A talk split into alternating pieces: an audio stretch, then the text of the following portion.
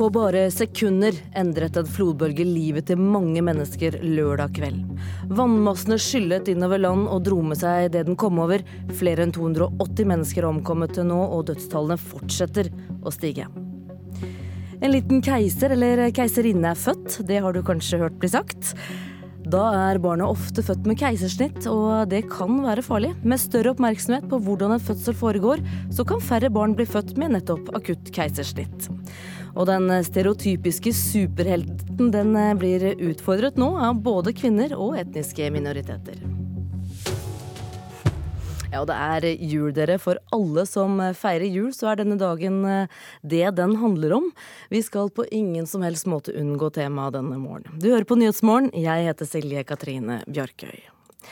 Nå aller først til Indonesia. Myndighetene der frykter at tallet på omkomne etter tsunamien som rammet eh, lørdag kveld, kommer til å stige. Det er fortsatt områder med ødelagte hus som hjelpemannskapene ikke har kommet frem til. Kondisi terkini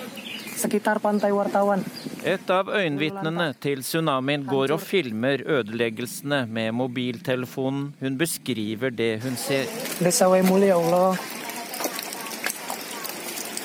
Flere hus er fullstendig smadret i denne gaten. Et sted ligger et hustak over en svart firehjulstrekker.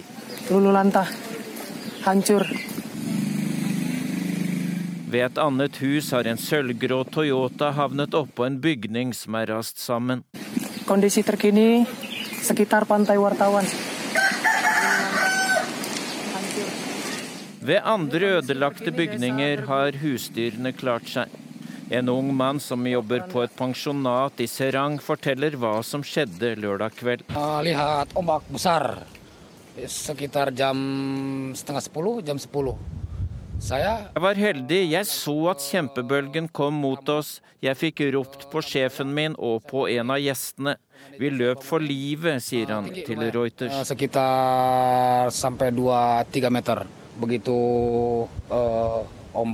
Bølgen var mellom to og tre meter høy. Den ble større da den traff husveggen, forteller den unge mannen. Han viser at han er svært glad for å være i live. 281 mennesker er så langt bekreftet døde etter at et vulkanutbrudd mellom Java og Sumatra førte til en tsunami lørdag kveld. Tsunamien rammet strendene helt uten forhåndsvarsel. I tillegg til de omkomne er 1016 personer skadd, og minst 57 mennesker er savnet. Indonesia ligger på den såkalte ildringen i Stillehavet, et område som er svært utsatt for jordskjelv og vulkansk aktivitet. Indonesia har vært rammet av mange katastrofer i 2018. Ifølge nyhetsbyrået Reuters har dette året krevd minst 3500 menneskeliv, ødelagt 340 000 hjem og ført til at over tre millioner har måttet evakuere hjemmene sine. Reporter her var Dag Bredvei, og over 280 mennesker er altså bekreftet døde nå etter tsunamien, og flere tusen mennesker er eh, skadd. Generalsekretær i Røde Kors, eh, Bernt Apeland, eh, hvordan foregår nå hjelpearbeidet?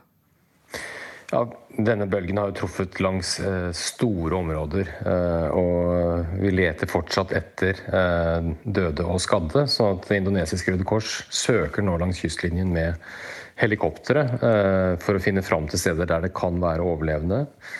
Og sender inn redningsmannskapet for å hente, hente, mennesker ut.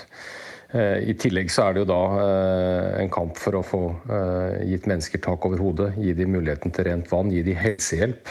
Sendt inn store medisinske team. Og så er det å, å, begynne å bearbeide de traumene som nå mennesker har vært utsatt for. Hvilke utfordringer er det hjelpemannskapene på stedet møter?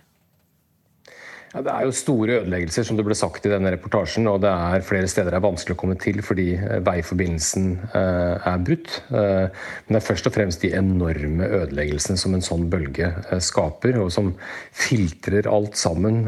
Hus, biler, båter, trær blir mast sammen til en stor masse som det er nesten umulig å trenge gjennom.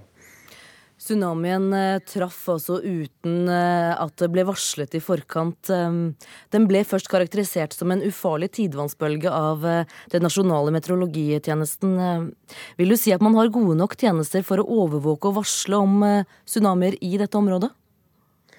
Ja, Det har jo blitt mye bedre enn det det var eh, før den store tsunamien i 2004. Eh, det som ser ut til å være det, det, som har skjedd annerledes denne gangen, er at det ikke er et jordskjelv i utgangspunktet som har skapt tsunamien. Det er ofte det man uh, varsler, men det har vært et underjordisk eller undersjøisk uh, jordskred. Det var eh, sendt ut varsel om høyt tidevann. Det ble ikke sendt ut varsel så vidt jeg er klar over, om eh, tsunami. og Det er jo noe man nå må ettergå for å se om det er mulig å gjøre noe med det. Men det er antageligvis langt vanskeligere å varsle denne type tsunamier enn eh, tsunamier eh, forårsaket av jordskjelv. Dette er ikke første gangen Indonesia blir rammet av en tsunami, men eh, Samtidig så blir det bygget veldig nærme vannet. Blir det tatt nok grep for å forhindre tap av liv i, i dette området? Nei, Det er jo klart at det er nettopp det at folk bor så tett på stranda som gjør at uh, du får denne uh, type antall døds, dødsfall. Uh, og Det er noe man er nødt til å, å se mer på. etter tsunamien som var i 2004, så er det gjort mange grep i forhold til å bygge opp igjen mangroveskogen, som kan da dempe bølgene når, de, når den kommer. Men det er nok fortsatt slik at det er mange som bor veldig nært vannet, og dermed blir veldig utsatt når sånne bølger kommer. Med tanke på hjelpearbeidet, hva er det som blir viktig i dagene fremover nå? Ja, det er jo å fortsette å lete for å finne fram til eh, skadde, sånn at de kan få nødvendig helsehjelp. Og så er det å sørge for at mennesker overlever mens eh, man kan få på plass gode tilbud til å gi dem eh, tak over hodet og, eh, og rent vann og, og, og, mat. Men så er det det å få gjenoppbygget samfunnene eh, bedre, og så er det å sørge for at menneskene også får eh, tilbud som gjør at de kan eh, bearbeide de traumene de nå har vært igjennom. Takk skal du ha, generalsekretær i Røde Kors, Bernt Apeland.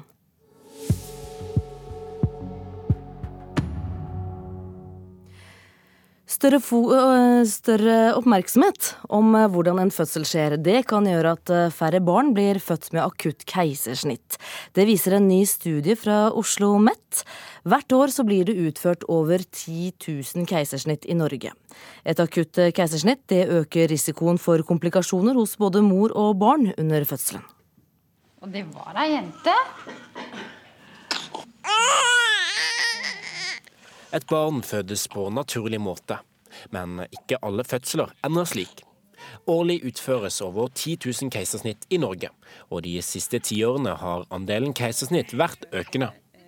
Men nå viser en ny studie at det kan være mulig å snu denne kurven. I mer enn 60 år har vi forholdt oss til en, en retningslinje som er basert på et bitte lite forskningsprosjekt på 50-tallet. Men dette er jo materiale som stammer fra kvinner på 50-tallet. Og en vil jo tro at kvinner i løpet av de siste 60 årene har forandret seg. Sier Stine Bernitz. Hun er forsker ved Oslo OsloMet og tidligere jordmor. Studien hun og forskerkolleger har laget om keisersnitt, får nå internasjonal anerkjennelse. Ved å måle åpning i livmoren og sammenligne dette med en kurve, kan helsepersonell få vite når fødselen går for tregt, og når tiltak må settes inn. Forskergruppen har sett på to ulike måter å måle denne fremgangen på. 14 fødeavdelinger ved norske sykehus var med i studien. Halvparten fikk beskjed om å bruke en gammel målemodell som brukes i Norge i dag, mens den andre halvdelen fikk beskjed om å bruke en nyere modell. Hypotesen vår var at vi kunne eh, redusere keisersnittsfrekvensen med 25% dersom man forholdt seg til den eh, nye retningslinjen i forhold til den gamle. Begge målemetodene viser altså en nedgang i antall keisersnitt på henholdsvis 26 og 37% Det overrasket forskerne. Men når vi ser at begge grupper har en så markant nedgang i keisersnittsfrekvensen eh, bare ved å være med i denne studien, så er det lett å anta og tenke at det å holde fokuset godt og utøve god fødselshjelp, så er det en effekt i seg selv. Ved bare å være med i studien fikk altså hver enkelt fødeavdeling et større fokus på å måle fødselsfremgangen. Noe som igjen ga færre keisersnitt, uavhengig av hvilken modell man målte etter. Det viser jo at fokus har så ufattelig betydelse. At når vi setter fokus på framgang i fødsel, så får vi ned keisersnittsfrekvensen. Sier Ann Moritz. Hun er fagutviklingsjordmor ved Sykehuset i Østfold, og var selv med i studien. Hun mener det er viktig å ha en god modell for å måle når man skal gi mor hjelp med fødselen. Kan vi unngå f.eks. anvende ristimulerende det, det er en veldig god ting når det trengs, men hvis vi bruker det feil, så er det ikke alltid bra, verken for mor eller, eller barn. En nedgang på 26 og 37% i antallet keisersnitt overrasket altså norske forskere.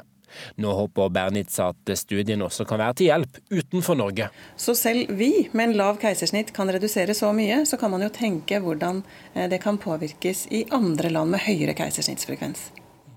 Reporter her var Lars Hægeland.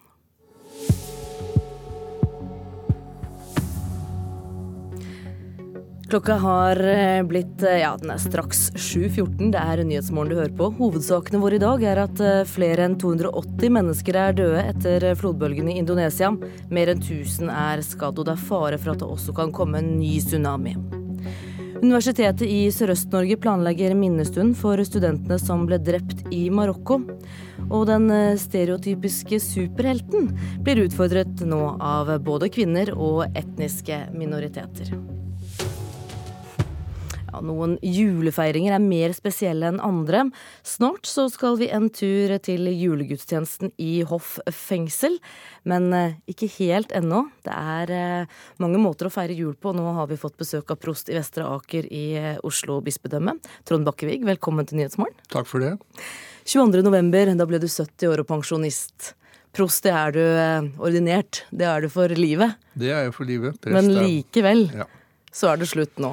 Nå er det slutt. Hvordan føles det å ikke skulle holde julegudstjeneste på julaften?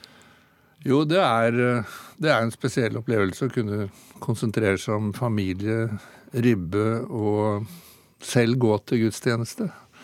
Så det er, det er noe nytt. Og både en god følelse å kunne konsentrere meg om det, og samtidig rart å tenke på at eh, jeg har stått der oppe gjennom så mange år. Hva er det julaften er for deg? Julaften er for meg eh, først og fremst eh, juleevangeliet og samvær med familien. Og Juleevangeliet handler jo om at det synges over Betlehemsmarkene for en liten gutt som fødes i en liten stall, ikke for en keiser, sånn som engler ellers ofte synger i, i eh, mytene. Men uh, her er det for en som kom, var som en av oss, kom ut av sin mors liv og levde under veldig fattige og vanskelige vilkår, for de var innkalt til folketelling for at de skulle kunne betale skatt. Sånn var det. Sånn var det. Men den kristne troen den har mistet eh, fotfeste, kan vi vel si, som eh, rådende tro i Norge. Fortsatt er det over 70% av oss som er medlem i Den norske kirke, men det blir stadig færre, og bare noen få prosent går jevnlig til gudstjeneste. Hva syns du om det, da? Først og fremst så tenker jeg at de, de går glipp av noe. Uh, gudstjenester er, er, en Det er bønn. Det er å kunne legge sitt liv fremfor Gud. Det er å kunne synge. Det er å kunne få tilført noe utenfra. Og det er å gå ut med velsignelse. Og det er på julaften. Og det er alle søndager ellers i året. Sånn at uh, det skulle jeg ønske flere flere søkte. Og samtidig så tenker jeg vi som kirke vi står overfor helt nye utfordringer. Både med en eh, befolkning eh, som tror mindre på Gud, men samtidig med en endret befolkning hvor det er mange som tror sterkt og mye på Gud. I dette så må vi som kirke finne, finne vår vei på en ny måte. Du har eh, gjennom karrieren hatt et stort eh, internasjonalt engasjement, arbeidet over landegrenser, eh, vært opptatt med å bygge broer mellom religioner. Og du har bl.a. ledet samtaler og samarbeid mellom ulike religiøse ledere i Jerusalem. Hva tenker du i dag om hvordan det arbeidet har gått, og ikke minst går? Nei, Først og fremst så er det jo ikke fred i Jerusalem. Først og fremst så, så er det en situasjon hvor det fins en, eh, en, okkupasjon, og det fins også folk som er redde den på, de, på, den siden som okkuperer, men det finnes også mange mennesker som ikke kan bevege seg fritt, som opplever hva det vil si å leve under okkupasjon. Og det prøvde vi å gjøre noe med, og det arbeider jeg fremdeles med. Men, og der tror jeg det er viktig at religiøse ledere snakker sammen, at de lager et nettverk seg imellom hvor de sier at vi vil fred, og vi vil respekt for den andre og for den andres tro. Men det betyr jo ikke at, at eh, religionene smelter sammen eller utsletter sin identitet. Det betyr bare at de finner frem til de kilder hos hverandre og hos seg selv som vil fred. Og det, det arbeidet må fortsette. Men det første av de ti bud. Du skal ikke ha andre guder enn meg. Mm. Nesten alle religioner de forfekter at sin gud det er eh, den eneste rette. Ja, Eh, det gjør de, men samtidig så er også de fleste religioner i sine kilder eh, bærer først og fremst en dyp respekt for andre menneskers tro, andre menneskers identitet, og er villig til å kjempe for at folk skal ha rett til å tro annerledes enn meg. Lar det seg forene? Det lar seg absolutt forene. Eh, vi har forskjellige fortellinger, og det går an å respektere fortellingene uten å tro på dem. Og hvis du skulle ønske noe spesielt for denne jula? Hva vil det være? Så er det fremdeles min gamle bønn om å be for fred i Jerusalem. Men jeg kan godt ta med hele Midtøsten, og for så vidt Kongo. Og nå er vi jo spesielt minnet om tsunamien i Indonesia, som stadig rammer. Altså jordskjelv og tsunamier i Indonesia begynner å bli nesten månedlige foreteelser. Sånn at vi må be for dem som rammes av dette. Det er ikke så lett å gjøre noe med. Det kan vi forberede oss på. Men fred, det kan vi bidra til å skape. Takk skal du ha, Trond Bakkevig, og god jul. I like måte.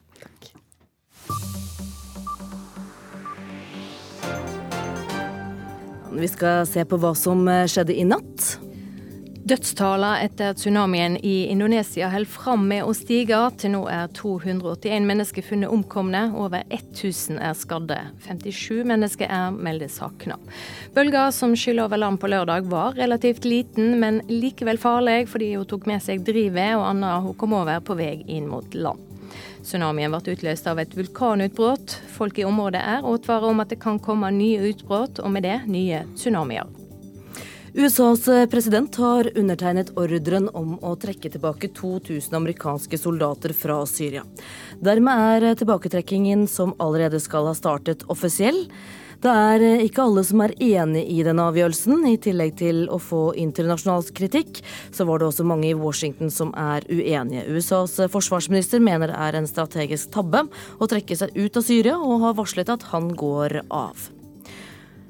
Så litt om det du får vite mer om hvis du følger med på NRK Nyheter i dag. Det er fengslingsmøte for mannen i 20-åra som er sikta for drap etter at en mann ble funnet død i Sandnes i Rogaland i går. Den drepne er ikke formelt identifisert. Mannen som er sikta blir framstilt for varetektsfengsling klokka ni. Han har vedgått drapet, men politiet vil ikke si noe mer om hva han har forklart. Julefeiringen er en stor del av denne dagen. Det er mange måter å feire jul på. Kongefamilien har som en del av sin feiring at de på, skal på julegudstjeneste i Holmenkollen kapell klokka tolv i dag. Klokka 21.30 i kveld da holder pave Frans julemesse i Vatikanet, og klokka 23 da er det midnattsmesse i fødselskirken i Betlehem. Den eh, klassiske superhelten, som amerikanske serieforlag har dyrket siden 1930-tallet, står nå for fall. Stereotypien som eh, utfordres nå av eh, etniske minoriteter og av kvinner. Ikke så ofte jeg driver og går gjennom disse her. Jeg bør litt sånn, ta meg tilbake til da jeg starta. Jeg husker veldig godt disse scenene her, særlig fra utgave én. Jeg sitter her sammen med Josef Johannes. Han er en 37 år gammel tegneserieskaper fra Groruddalen. Han står bak tegneseriesuksessen The Urban Legend, som gis ut på åtte språk, og har hatt en stripe i avisen USA Today. I serien møter man en mørkhudet superhelt, noe som bryter med den tradisjonelle tegneserien, der hvite menn har hovedrollen. Barn i Vesten har alltid hatt luksusen av superhelter som Batman, Spiderman, Hulken, Avengers osv. Mens barn i Afrika som oftest har hatt, har kun to typer forbilder. Enten er det idrettsutøvere, eller så er det musikkartister. Så jeg følte en svart superhelt kan være med å gjøre en positiv forskjell. For alle mennesker, men også for de som mangler en. Josef vet nemlig hva det vil si å mangle et forbilde. En superhelt man kan kjenne seg igjen i. Da jeg selv vokste opp, så, så manglet jeg et veldig positivt forbilde som jeg kunne relatere til. Da. Og jeg ser at det er veldig viktig for dagens unge å ha gode rollemodeller å kunne se opp til, som de kan bruke som motivasjon og ikke minst inspirasjon. Så, så det var veldig tøft å, å, vokse opp sånn uten å ha de typer rollemodellene. Da. Og de gangene jeg holdt på med verket mitt og det var veldig tøft, så har jeg brukt da, barn og unge som min motivasjonsfaktor. Da. Josef ville gi noe til barn og unge som han selv manglet i oppveksten. Men når tegneserien først kom ut i 2012, var det kun to forlag som ville satse på superhelten hans Malcolm Segai Madiba. Men så drar han på verdens største tegneseriemesse, Comic-Con, og da snur alt. Det blir stor stor snakkis om The Urban Legend på hele Comic-Con. og ja, Det blir en veldig veldig stor, stor interesse rundt The Urban Legend på denne turen her. Folk ringer oss, de vil bare ha mer og mer og mer. Og gjett hva som har skjedd nå? Nå har superhelten i The Urban Legend blitt stripe i USAs største avis, USA Today, med mer enn 70 millioner lesere i måneden. The Urban Legend har altså gjort suksess, og tegneserieekspert Morten Harper mener at det i dag er nødvendig at tegneserier representerer både kvinner og etniske minoriteter i helterollene, slik som man ser i The Urban Legend. Vellykka og interessante superheltfigurer har alltid vært en slags sånn forstørrelsesglass på det samfunnet som de utspiller seg i. Og det vi ser i dag nå, er jo mye flere kvinnelige superhelter. Vi ser også mørkhuda, afroamerikanske eh, superhelter. Og vi ser også superhelter med annen seksuell legning. Det vi har sett i, i, i tegneseriene, er jo hvor særlig da Marvel, det ene av de to store superheltforlagene, Marvel som da har X-Men, Fantastiske fire, Thor osv., har lansert eh, superhelter som bevisst er på en måte mer mangfoldig. Dette mangfoldet som Harper peker på, mener Josef Johannes er en positiv utvikling for tegneserieverden. Jeg syns at uh, jo, flere man, jo flere superhelter som er forskjellige, jo bedre. For da, du når jo mye bredere til andre mennesker også. Og du gir de som ikke har en stemme, en stemme.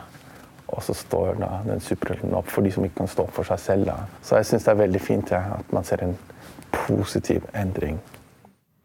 Tegneserien har vært en internasjonal suksess siden den slo an på verdens største tegneseriemessig Comic-Con i USA i 2012. Og den blir brukt nå som pensum på flere skoler i Norge og fire andre land. Reportere Silje Eliseth Tennøy og Sofie Dege Dimmen. Alle har sine tradisjoner i jula, også de som enten sitter eh, i eller jobber i et fengsel. I Hoff fengsel har det blitt tradisjon å holde gudstjeneste når det nærmer seg jul.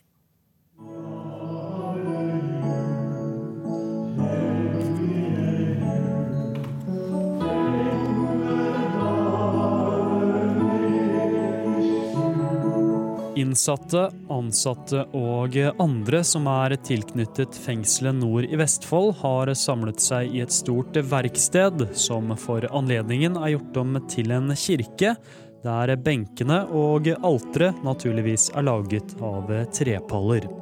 Tevje Håre, som er assisterende fengselsleder, sier høytiden kan være tøff for noen innsatte, men at de prøver å gjøre den så hyggelig som mulig. Man har slått seg til ro med det, og vi bygger en god ramme rundt eh, også julefeiringa.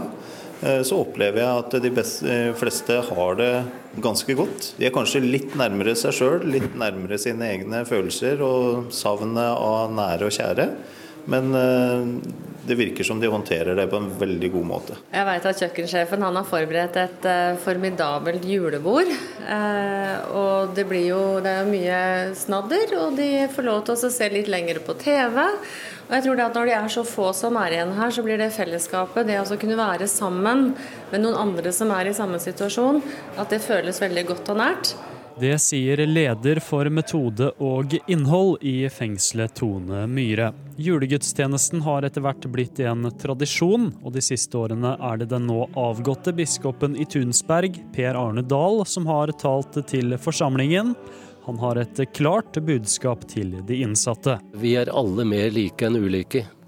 Sånn sett så er det veldig liten forskjell på pasienter og pleiere, på innsatte og ansatte. Eh, vi er sterke, vi har gode ting, men vi går på smeller og er sårbare og svake alle sammen. Jeg håper at de går til rommene sine her nå og tenker yes, opp igjen. Skal ikke bli liggende. Frank, som skal tilbringe høytiden i nettopp Hoff fengsel, synes tradisjonen med gudstjeneste er fin, men sier det er vanskelig å komme i julestemning som innsatt. Vi legger ikke så godt merke til det. Det eneste vi merker, er at det kommer juletrær. Det er, eh, og vi blir lova fin mat. Alt blir jo en vane, holdt jeg på å si. Det er, eh, det er eh, egentlig en ansvarsfraskrivelse. Altså, men det er jo, tankene går jo til dem hjemme og sånn. Det blir jo litt eh, stusslig akkurat på selve julaften. Han har feiret jul i fengsel før, og vet hva han må gjøre for å komme seg gjennom høytiden. Det er å involvere seg i andre ting. Bordtennis, kortspill, andre innsatte. Alt som kan få deg til å tenke på noe annet, egentlig. Har du noe ønske for jula i år? At han skal gå fort. Det er det eneste.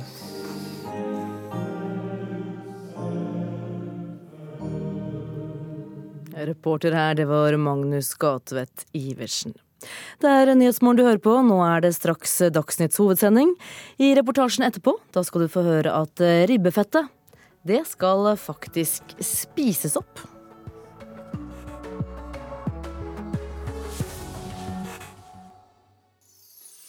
Jul i P2. Jeg er en av de gærningene som sitter på toget til Grua en tidlig tirsdagsmorgen i januar med ferdigsmurte ski og en lengsel i sjelen. Utvalgte gjester gir deg én time åpen, interessant og overraskende radio. Ut av en blå sommerhimmel hørte jeg ordene 'Du skal bli prest'.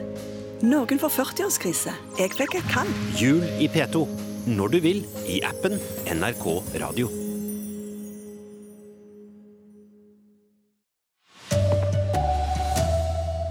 Myndighetene i Indonesia frykter at tallet på omkomne etter tsunamien kommer til å stige. Alt papirarbeidet som pålegges helsepersonell går utover pasienter, det bekrefter ny studie. Og mange husdyr blir nødt til å feire jul på kennel eller dyrehotell. Her er NRK Dagsnytt klokka 7.30. Myndighetene i Indonesia frykter at tallet på omkomne etter tsunamien som rammet på lørdag, kommer til å stige. Det er fortsatt områder med ødelagte hus der hjelpemannskapene ikke har kommet til. Flere familier sover på fortauet her i byen Karita. Noen av dem har ikke noe hjem lenger, andre har det, men våger ikke å sove inne.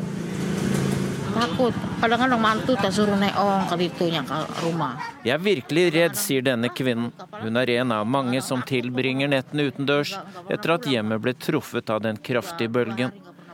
Jeg skal få svigersønnen min til å gå tilbake til huset, jeg våger ikke, fortsetter kvinnen til nyhetsbyrået Reuters. Så langt er 281 mennesker bekreftet omkommet, og 1016 er skadd etter at den enorme bølgen ble utløst av et vulkanutbrudd mellom Java og Sumatra. Mandag morgen bekreftet myndighetene at dødstallene trolig vil stige. Det er fortsatt områder der myndighetene og hjelpearbeidere ikke har fått full oversikt fordi veiforbindelsen er ødelagt. Tsunamien rammet strendene helt uten forvarsel lørdag kveld. Indonesia ligger på den såkalte ildringen i Stillehavet, et område som er svært utsatt for jordskjelv og vulkansk aktivitet. Reporter var Dag Bredvei. En ny studie viser at helsepersonell i helseforetakene bruker for mye tid på administrative oppgaver. Og det går ut over pasientene. Ja, skal vi se. Pasienten har gått ut, men jobben er langt fra over for legen. For hver pasientkonsultasjon venter mye papirarbeid. Journalføring, kvalitetsregistrering, økte krav til dokumentasjon og ineffektive datasystem tar mye tid, sier Tor Severinsen, lege og tillitsvalgt ved Sykehuset Telemark. Det er frustrerende. Legene mener jo at eh, vi ikke får god nok tid sammen med pasientene. At eh, både det å lytte til pasientene, det å informere pasientene, det blir det da for eh, lite tid til. Når størrelsen på helseforetakene øker, kompenseres ikke dette med tilstrekkelig støttepersonell, viser en ny studie fra Universitetet i Oslo. Tidligere hadde kontorpersonalet de administrative oppgavene, mens eh, nå må helsepersonell gjøre dette selv.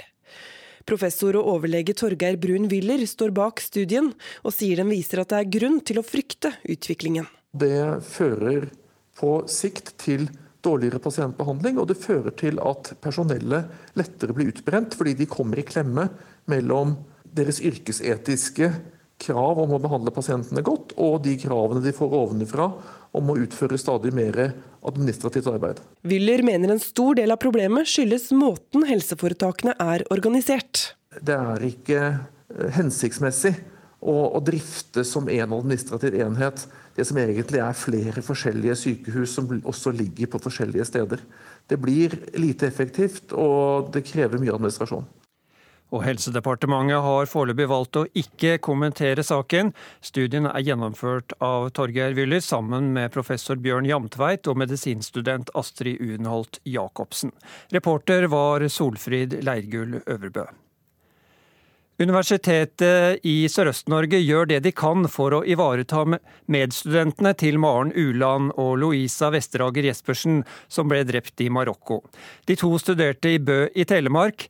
Etter juleferien skal det bl.a. arrangeres minnestund, forteller rektor Petter Aasen.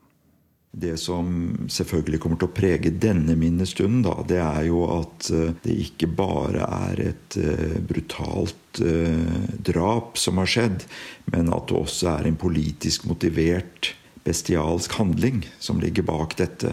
Og det er klart det vil, bli, vil vi måtte ta opp i minnestunden. Eh, det som har skjedd, det strider jo mot helt grunnleggende menneskelige verdier og er så bestialsk at eh, det er vanskelig å uttrykke med ord. Så det er klart at eh, det vil vi legge vekt på. Og samtidig så vil vi hedre minnet til disse studentene, som var flotte studenter, flinke studenter og veldig godt likt i studentmiljøet, både blant medstudenter og faglærerne. Kan du fortelle litt om hvorfor det er så viktig å gjøre nå? Nei, Vi har opplevd det tidligere, at når eh, medstudenter har blitt eh, revet bort, så oppleves det som veldig godt for studentene å samles eh, og minnes og snakke om det som har skjedd. Spesielt når det, vært, når det, er dramatiske ting som skjer eller har skjedd. Og vi pleier også å invitere familiene til de som ulykken har rammet. Og det vil vi også gjøre denne gang. Og ja, de er hjertelig velkommen til å være med og noen foreldre, noen familiemedlemmer, noen pårørende syns også det er viktig å, å, møte de eh, som har stått nær dem nå, når de har vært av sted for å studere. Reporter her var Anniken Sanna. Hvis eh, helsepersonell har mer oppmerksomhet på å måle framgangen under fødsler, fører det til mindre bruk av keisersnitt. Det viser en ny studie fra Oslo OsloMet. Andelen akutte keisersnitt har økt de siste åra. Disse øker risikoen for komplikasjoner hos både mor og barn. I mer enn 60 år har vi forholdt oss til en, en retningslinje som er basert på et bitte lite forskningsprosjekt på 50-tallet. Men dette er jo materiale som stammer fra kvinner på 50-tallet. Og en vil jo tro at kvinner i løpet av de siste 60 årene har forandret seg. Sier Stine Bernitz. Hun er forsker ved Oslo OsloMet og tidligere jordmor. Ved å måle åpning i livmoren og sammenligne dette med en kurve, kan helsepersonell få vite når fødselen går for tregt, og når tiltak må settes inn. Forskergruppen har sett på to ulike måter å måle denne fremgangen på. 14 fødeavdelinger ved norske sykehus var med i studien. Halvparten fikk beskjed om å bruke en gammel målemodell som brukes i Norge i dag, mens den andre halvdelen fikk beskjed om å bruke en nyere modell. Hypotesen vår var at vi kunne eh, redusere keisersnittsfrekvensen med 25% dersom man forholdt seg til den eh, nye retningslinjen i forhold til den gamle. Begge målmetodene viser altså en nedgang i antall keisersnitt på henholdsvis 26 og 37 prosent. Ved bare å være med i studien fikk hver enkelt fødeavdeling et større fokus på å måle fødselsfremgangen. Noe som igjen ga færre keisersnitt, uavhengig av hvilken modell man målte etter. Det viser jo at fokus har så ufattelig betydelse. At når vi setter fokus på framgang i fødsel, så får vi ned keisersnittsfrekvensen. Reporter her var Lars Hægeland. Julefeiringa har blitt en høysesong for dyrehoteller. Mange velger nemlig å reise bort uten at eh, kjæledyra kan være med, og da må katter, hunder og gnagere feire jul på hotell. Hei. Dette er mysil. Nå er det bare mysil som er her, faktisk. Men her, vi har jo plass til fire katter, da. Eh, Så her er det fullt i jula. Ja. Mange reiser bort i jula. På ferie, hjem eller bare på tur. Og kjæledyra deres kan jo ikke bli med til Thailand, så da får de dra på hotell. Vi har, eh, vi har plass til noen katter, men det er absolutt mest hunder og en del gnagere. Kaniner og marsvin og rotter og havnestere har vi her òg. På Drammen dyrehotell er det fulle rom nesten hele desember. Daglig leder og veterinær Stine Fjerningstad skal feire jul sammen med alle dyra der. Jula er jo koselig for oss, men jula kan jo, og nyttår kan jo være en litt sånn kjip tid for, eh, for kjæledyr. For det er jo mye, vi har mye å gjøre, og eierne skal handle julegaver, og det er mye selskaper. Og, så det er veldig mange som syns det er greit å, å sette dem her litt grann, for at de skal få gå tur og leika med andre og gjort sånne ting, da. Lise Kleveland i Dyrevernalliansen syns det er ansvarlig og fint av dyreeiere å sette dyrene sine bort. Så sant det er et seriøst sted. Ja, Reporter på dyrehotellet var Ida Gjellerud. Julaften kan by på utfordrende kjøreforhold lokalt både på Vestlandet og i Trøndelag. Grunnen er snø eller sludd som etter hvert går over til regn. I fjellet i Sør-Norge øker vinden utover kvelden og gir snøfokk. Og bilister oppfordres til å kjøre forsiktig.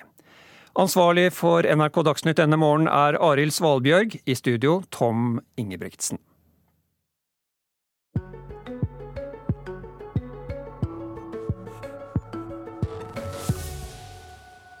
Det er Nyhetsmorgen du hører på, og eh, vi starter med en advarsel. Den kommer ikke fra meg, men eh, vi blir altså hvert år eh, advart om at vi ikke skal skylle ribbefettet ut i vasken.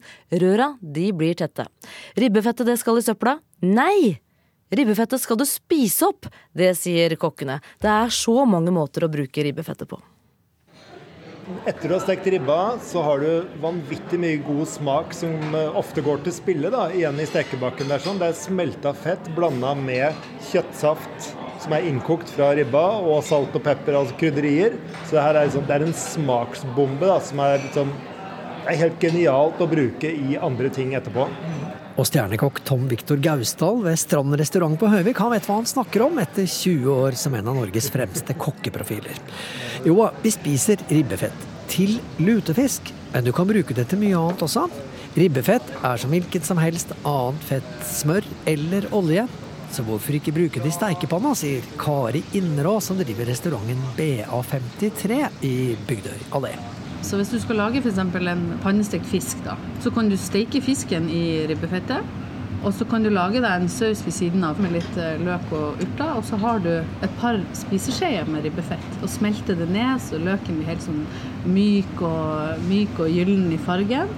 Og så er det veldig godt å tilsette f.eks. noe av det garnityret du skal til. Litt eh, paprika eller kapers eller rett i den samme kjelen med fettet. Og ja, det er òg litt viktig. Man justerer da med syre. Man kan ha i eddik eller soyasaus for å bryte på en måte det, det fettet litt og få en, eh, få en mer balanse i, i sausen. Eller hva med å krydre det opp og bruke det rett på brødskiva? En annen ting er å lage et sånn type smør, der du lar det størkne og bli helt eh, kaldt og avkjølt. Og så visper du det opp med en visp, tilsetter pepper og f.eks. estragon og salt og litt persille. Eh, kanskje litt eh, cayenne. Og så kan man selvfølgelig være litt mer leken og gæren. Du kunne brukt det i en emulsjon eh, eller en majones. Det blir veldig godt. Men det må serveres romtemperert. Da. Hvis du setter den i kjøleskapet, så stivner den helt. Egentlig samme fremgangsmåte som vanlig majones. Starte med litt egg, litt sennep, og så er det bare å vispe og spe med ribbefett. Jimmy Øie er en av kokkene bak den nye restauranten Rest. Et spisested som er opptatt av å bruke mat som ellers blir sortert vekk og kastet. Så han kan det med å være kreativ med rar mat. Eh, du kan også bruke det i en eh, hollandes f.eks. Helt vanlig hollandes så bruker du svinefett i stedet for å bruke eh, Klara smør. Du kan bruke det til både fisk, kjøtt og skalldyr, vil jeg si. Skalldyr funker veldig godt med svinefett, faktisk. Tom Viktor Gausdal er glad i grønnsaker, og ribbefettet setter prikken over i-en, mener han. Jeg elsker mer grønnsaksbasert mat. Eh, men så syns jeg grønnsaker ofte kan bli litt vannete og kjedelige når du skal koke det eller steke de. Men hvis du krydrer det med noe, kanskje baker det med litt eh, ribbefett, da kan du bake hele gulrøtter i ovnen, karamellisere det litt med det ribbefettet, så får du en helt sånn smaksopplevelse. Du vil ikke savne et kjøttstykke i det hele tatt. Men altså, det behøver ikke å være så veldig avansert. Tore Namstad driver Stokk restaurant i Barcode. Fancy område, hipt sted, men Tore liker det enkle. Ribbefettet skal i lefsa eller på rugbrødet. Og sild. Sild og ribbefett det hører sammen i jula. Men ikke kast det. det, det du kan bruke det istedenfor olje til nær sagt alt. Og det kan stå langt ute i februar uten at det er noe farlig. Da er det bare å begynne å leke seg med ribbefett i matlagingen her. Reporter var Kalle Turkerud.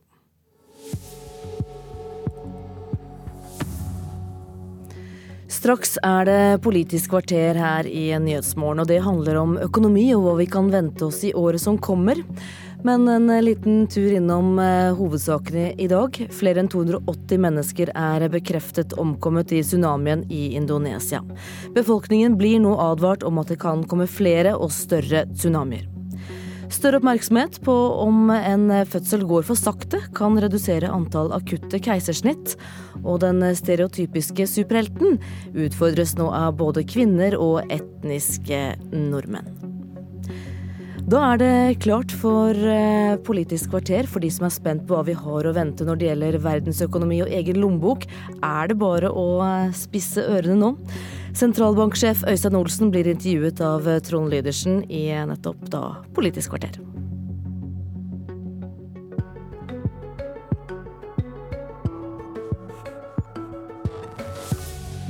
Hvis du får en kjempehandelskrig, Kina og USA og den begynner å gjøre at det er flere som bygger tollmurer, det blir en verdenshandel som stopper. Hvordan klarer dere å ta inn hva er det som egentlig kommer til å skje da? Nå er, nå er det slik at det, det, kan skje brå begivenheter som, som påvirker eh, finansmarkedene. Som gir seg utslag i valutakurser, i, i renter, eh, og som påvirker vekstutsiktene i de store økonomiene. Det er først når det skjer, når det inntreffer, at vi egentlig kan ta det innover oss på en, eh, på, en, på en, seriøs måte. Så det går ikke an å spå egentlig hva som kommer til å skje? Bare at det blir vondt? Vi er, nei, vi er, vi er, vi er, vi er varsomme med å, med å, spå ulykker, for å si det på den måten. Eh, men vi beskriver et risikobilde som, som i noen grad preger de vurderingene vi gjør også i forhold til eh, norsk politikk, norsk rentesetting. Er det mye større det risikobildet nå enn det du så da du satt her i fjor? Det korte svaret er ja. Det er, det er økt usikkerhet internasjonalt. Det, det, er det vi også beskriver i vår siste rapport fra, fra desember. Men fortsatt så er det slik at uh, vi tror mest på at uh, vi tror og håper at Storbritannia etablerer en, et forhold til EU som ikke i vesentlig grad påvirker det vekstbildet. Vi, vi håper og tror på at, at den tendensen til proteksjonisme, eh, handelskonflikter som har utviklet seg over noe tid, at det ikke eskalerer. Og så har vi sett da i den aller seneste tid på det siste, siste feltet at eh, den amerikanske administrasjonen Trump har, eh, har, eller er i ferd med å inngå avtaler ja, med sine naboland, Canada og Mexico. Det er, det, er en, det, er, det er en pause i stridighetene med Kina. Eh, det er en form for forståelse, en økt forståelse også i forhold til mellom Trump og Europa.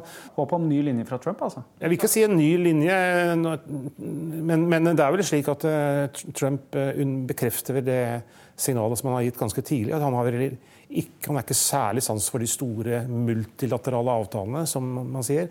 Men han, han ønsker vel selv å forhandle bilateralt eller mot enkeltland og, og, avtale nye betingelser i forhold til hvordan eh, USA handler med, sine, om, med, andre land. og Det er vel litt det bildet vi er i ferd med å, å se. Positivt da? Ja, altså ikke, ikke, på vegne av behovet for internasjonale, brede avtaler. Der er Trump ganske konsistent motstander av dette. Det er en bekymring som vi har. Som et lite land så er vi tilhenger nettopp av brede avtaler hvor alle land sitter rundt et bord og, og avveier ulike forhold.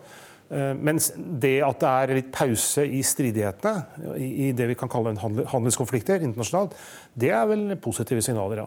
Du sier at det dere tror mest på, er at det skal gå bra. og Derfor så har dere også sagt at dere skal øke renta to ganger neste år. Hvor sikker er du på at du kommer til å gjøre det? vi, er, vi, er, aldri sikre på, på, noen ting, bortsett fra at vi, vi, er nøye med å beskrive hva vi tror mest på, som et mest sannsynlig bilde. Og, og gitt det, så hvis det går akkurat slik vi forutsetter nå, så, så står vi fast på at eh, da er det tid og rom for at renten omsider kan komme opp fra et veldig lavt nivå. Har, jeg har sagt flere ganger tidligere at det, er, det, må tolkes og ses på som et godt tegn. Det er et positivt signal at rentene omsider kommer opp. Det er fordi det går, eller vi har forutsatt og lagt til grunn at det går godt uh, ute, og her hjemme. Men det forutsetter at ingen av de bekymringene du nå har snakka om, slår til for fullt? Ja, eller det forutsetter at uh, hendelser At ikke det skjer ting som i vesentlig grad rokker ved de forutsetningene vi har lagt til grunn. I, uh, i, i, våre anslag. Nå er det jo sjelden at det går nøyaktig slik en, en prognosemaker spår. på et eller annet tidspunkt. Så det vil jo skje ting, men, men det kan skje ting det vi kaller på nedsiden. Det kan også skje ting på oppsiden. Det kan gå uh, enda bedre. Veksten kan komme tilbake enda sterkere i Europa eller andre steder.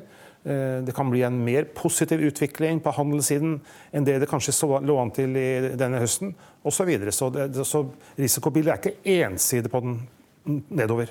Og da, da, vil du vurdere å ha enda flere renteopp? Det, det, vi er nøye med det når vi beskriver renteutsiktene, at det er, en, det, er en, det er, usikkerhet begge veier. Den usikkerheten den eh, lever jo folk flest med, som nå etter hvert har ganske mye boliglån. Noe du også har vært litt bekymra for. Hvordan eh, tror du folk nå i 2019 og framover tåler den gjelda de sitter med, hvis du f.eks. øker to ganger i løpet av 2019? For det første så er den, den høye gjelden i husholdningssektoren, som du nå beskriver, den, den, den, er, den er, høy etter alle målestokker. Eh, eh, de som har gjeld, og det er ganske mange som har gjeld, de fleste av oss har litt gjeld eller litt mer gjeld. Når, når rentene kommer opp, så vil det innebære at renteutgiftene øker. Det betyr også at de som har høy gjeld og mye gjeld, og la oss si i forhold til inntekt, de vil kunne merke det. Men samtidig så er det slik at eh, husholdningene samlet sett som gruppe får bedre råd i det bildet vi tegner fremover, selv om rentene kommer opp og renteutgiftene øker. Rett og slett fordi økonomien vokser, sysselsettingen øker. De, de, folk vil, i vårt bilde vil få reallønnsvekst de nærmeste årene som trumfer eh, økningen i styringsrenten, som tross alt kommer opp, ja, men den kommer opp gradvis og forsiktig. Så den, det, Dette er noe vi hensyntar når vi setter renten, det at gjelden har økt til, til det høye nivået som den har. Ja, Så du er forsiktig med at du ikke øker renta så mye at folk får betalingsproblemer? Det er et viktig trekk ved norsk økonomi, den høye gjelden i husholdningssektoren, som, som vi hensyntar når vi, setter, når vi setter renten. Betyr det også at du egentlig er ikke så veldig bekymra for at folk ikke skal klare å betale renter, i hvert fall, kanskje avdrag òg, i framtida? Selv om man har litt mye gjeld nå? Gitt det bildet vi ser nå, så er det riktig å si at vi er ikke Da, da går det bra. For å si det på den måten. Det, det betyr ikke at det ikke er noen som vil føle De som har høy gjeld. Det det er noen som har så høy gjeld at de til og med vil måtte stramme litt inn på sitt daglige forbruk. Når rentene kommer opp, ser de det for litt forsiktig tempo som vi tegner. Men, men i videre forstand så går det bra for de aller fleste, eh, som får økt eh, disponibel inntekt eh, reelt sett de nærmeste årene. Og det går jo bra i det, i det store bildet som vi tegner for norsk økonomi. Hva ser du da for boligmarkedet? Ja, Der ser vi for oss det som kanskje kan beskrives som en myk landing. Men de nærmeste årene så ser vi for oss en boligprisvekst eh, i størrelsesorden 2-3 Samtidig som det er fortsatt god omsetning i, i, i, boligmarkedet. Det bygges et antall eh, nye boliger. Selv om boligbyggingen og boliginvesteringen har kommet litt ned fra et veldig høyt nivå, så ser vi for oss en ganske balansert utvikling i boligmarkedet fremover. Det er det vi mener er mest sannsynlig. Så er det, usikkert, så er det alltid usikkerhet om disse prognosene, også. Eh, selv om vi bank i bordet de siste par årene, så har vi truffet ganske bra på våre boligprisanslag. Så myk landing, mest sannsynlig. Krakk litt sannsynlig? Ja, er, vi, vi, vi, snakker ikke om, og vi ser ikke for oss noe krakk i boligmarkedet. Snarere tvert om. Vi har, vi har et ganske balansert boligmarked for tiden, mener vi. Og det er det bildet vi tegner fremover også. En forutsetning for at ting skal gå bra, sånn som du tror det gjør, det er jo at eh, mange jobber og bidrar. Vi ser, nå har vi signert en ny IA-avtale for at flere skal jobbe, flere delta. Hvor viktig er det for at dugnaden Norge skal gå opp? Altså, for det første, det å, være i jobb, det å ha jobb, eh, det er, det, er, det er, viktig for de aller fleste av oss eh, i, yrkes, i, yrke, i, et yrkesliv. Så er det viktig også for, eh, hvis man tar på seg, og det gjør jo en sentralbanksjef, samfunnsøkonomiske briller. Det er, det er viktig med, med en rimelig grad av høy sysselsetting. Er du bekymra for at så mange står utafor? Ja, det er, det, er en, det, er en, det er, en, bred problemstilling. Men, men at, at, at også i Norge, hvor sysselsettingsandelen er høy, eh, så er det fortsatt, eh, vil, noen mene, for mange som, som, som, står utenfor arbeidslivet av litt ulike grunner. Du mener også det? Altså, det, må alltid være en målsetting å få ned, eh, eller begrense, andelen som ikke har jobb. Den viktigste delen av formuen vår, det er folk. Og så har vi en annen ganske stor formue som vi kaller oljefondet. En tidligere leder av oljefondet som sa at oljefondet burde ledes av de beste proffene du finner i verden. Ikke en eh, gjeng sosialøkonomer som har andre ting å tenke på også. Eh, vi, noe, vi, og jeg har ikke noen synspunkter på dette og vil ikke kommentere på sin egen rolle, bortsett fra å gjenta det vi sa i vår høringsuttalelse til Gjedrem-utvalget om saken. Nemlig at dersom Stortinget velger å beholde fondet i banken, så er vi eh, beredt og godt forberedt og godt rustet til å fortsette å, eh, å gjøre den jobben. Så har det vært noen stemmer som har snakka om noen på andre siden av skalaen som ikke har så mye formue, men som mer tar opp dyr gjeld. Hvis en venn av deg hadde kommet til deg og spurt du, jeg trenger kanskje å, å, penger kanskje lyst på en ferie, finansierer det med forbruksgjeld, hadde du sagt da? Ja, da tror jeg først jeg ville spurt, spurt, vedkommende om hva rentebetingelsene var og er, og, og, og, og gjennom det minnet vedkommende på at dette er dyrt. Eh, så ville jeg tenkt litt på hva slags økonomi vedkommende har, og igjen bedt han tenke, eller henne tenke enda gjennom om vedkommende har råd til det.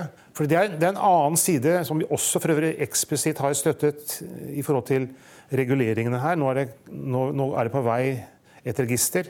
Et register som skal gi oversikt over husholdningenes samlede gjeld, både forbruksgjeld og annen type gjeld, og som bør legge til grunn for eh, de kredittvurderingene som, eh, som, bankene og forbruksbankene eh, anvender når de gir lån. Men, men når, når, dette er sagt, så er det, er det sånn at det, det, er, det, er, ikke forbudt med forbrukslån. Forbrukslån i, innenfor fornuftige rammer det har jo en funksjon også. Det, skal, det, kan skape, det, kan skape, litt fleksibilitet i hverdagen til å akkurat nå skaffe penger til en, en, en, en reise eller andre ting. Og hvis det skjer innenfor, innenfor fornuftige rammer, fornuftige utlånsbetingelser, og at man reelt sett har råd til å betjene lånet, så, jo, så, så er jo forbrukslån med på å gi en form for fleksibilitet i hverdagen også. Som vel er bakgrunnen for den veksten i forbrukslån som vi har sett. Syns det er rart at mange tar opp så mye forbrukslån?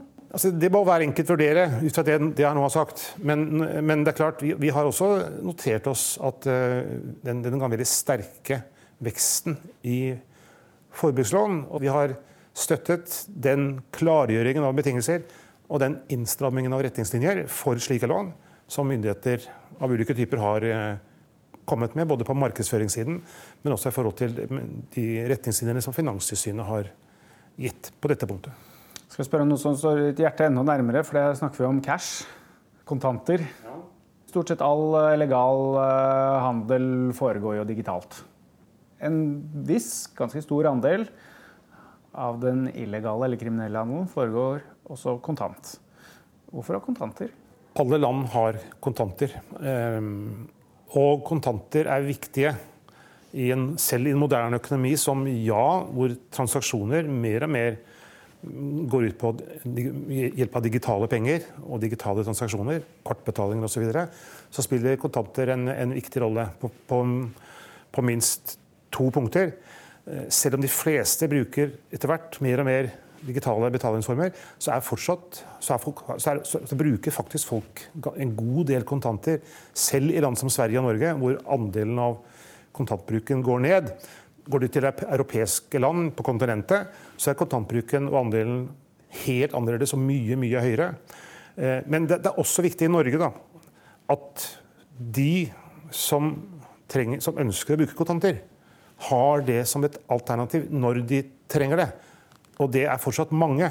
Norges Bank vi tilbyr kontanter bare etter behov. Så det er, Dette er den ene grunnen. Det er et behov der. Den andre grunnen er egentlig koblet til sentralbankens betydning som sådan. Du har en sentralbank. Kontanter som sentralbankpenger, og som egentlig den eneste formen for, sentralbankpenger som vi i dag kjenner og har, det er med på å skape tillit til pengesystemet som sådan. Å være det første landet, enten det er Sverige eller Norge, som avskaffer kontanter som det første landet i verden, det vil jeg si er et eksperiment som er dristig ut fra de forholdene og de hensynene jeg har nevnt og beskrevet. Kontantbruken går nok ytterligere ned. Det er en ganske trygg spådom. Det er en av de sikreste prognosene jeg har kommet med i dag, tror jeg. Eh, men det blir ikke, det, blir ikke borte. Ikke i min tid, og ikke i eh, uoverskuelig fremtid. Hvilket råd kan du gi i forhold til hvordan man skal tenke rundt privatøkonomien sin i 2019? ja, Det er et eh, bredt spørsmål. Jeg har stor tro til folks sunne, sunne fornuft her. Hvis jeg tar utgangspunkt i det vi selv rår over, rentesettingen jeg, jeg tror at det signalet vi har gitt, er blitt eh, oppfattet. Og helt generelt, når man som forbruker investerer, enten det er i bolig eller i andre varige ting som koster ganske mye penger, og man skal la oss si, ta opp lån for å håndtere, for å betjene dette, eller for å kjøpe en, en, en sak, så, så, er det viktig å, å ta høyde for at det, det lave rentenivået, det, det varer ikke evig. Det er ett signal som sentralbanken har, eh, har, kommet med. Men for øvrig så er privatøkonomi er og forblir uh, privatøkonomi, så den enkelte eh, er nærmest til å håndtere. Og Det skjer i det store og hele på en god og fornuftig måte. Men det vil si at folk kan forberede seg på at det kommer til å gå rimelig godt i norsk økonomi det kommende året? Det er det bildet vi anser som klart mest sannsynlig, ja.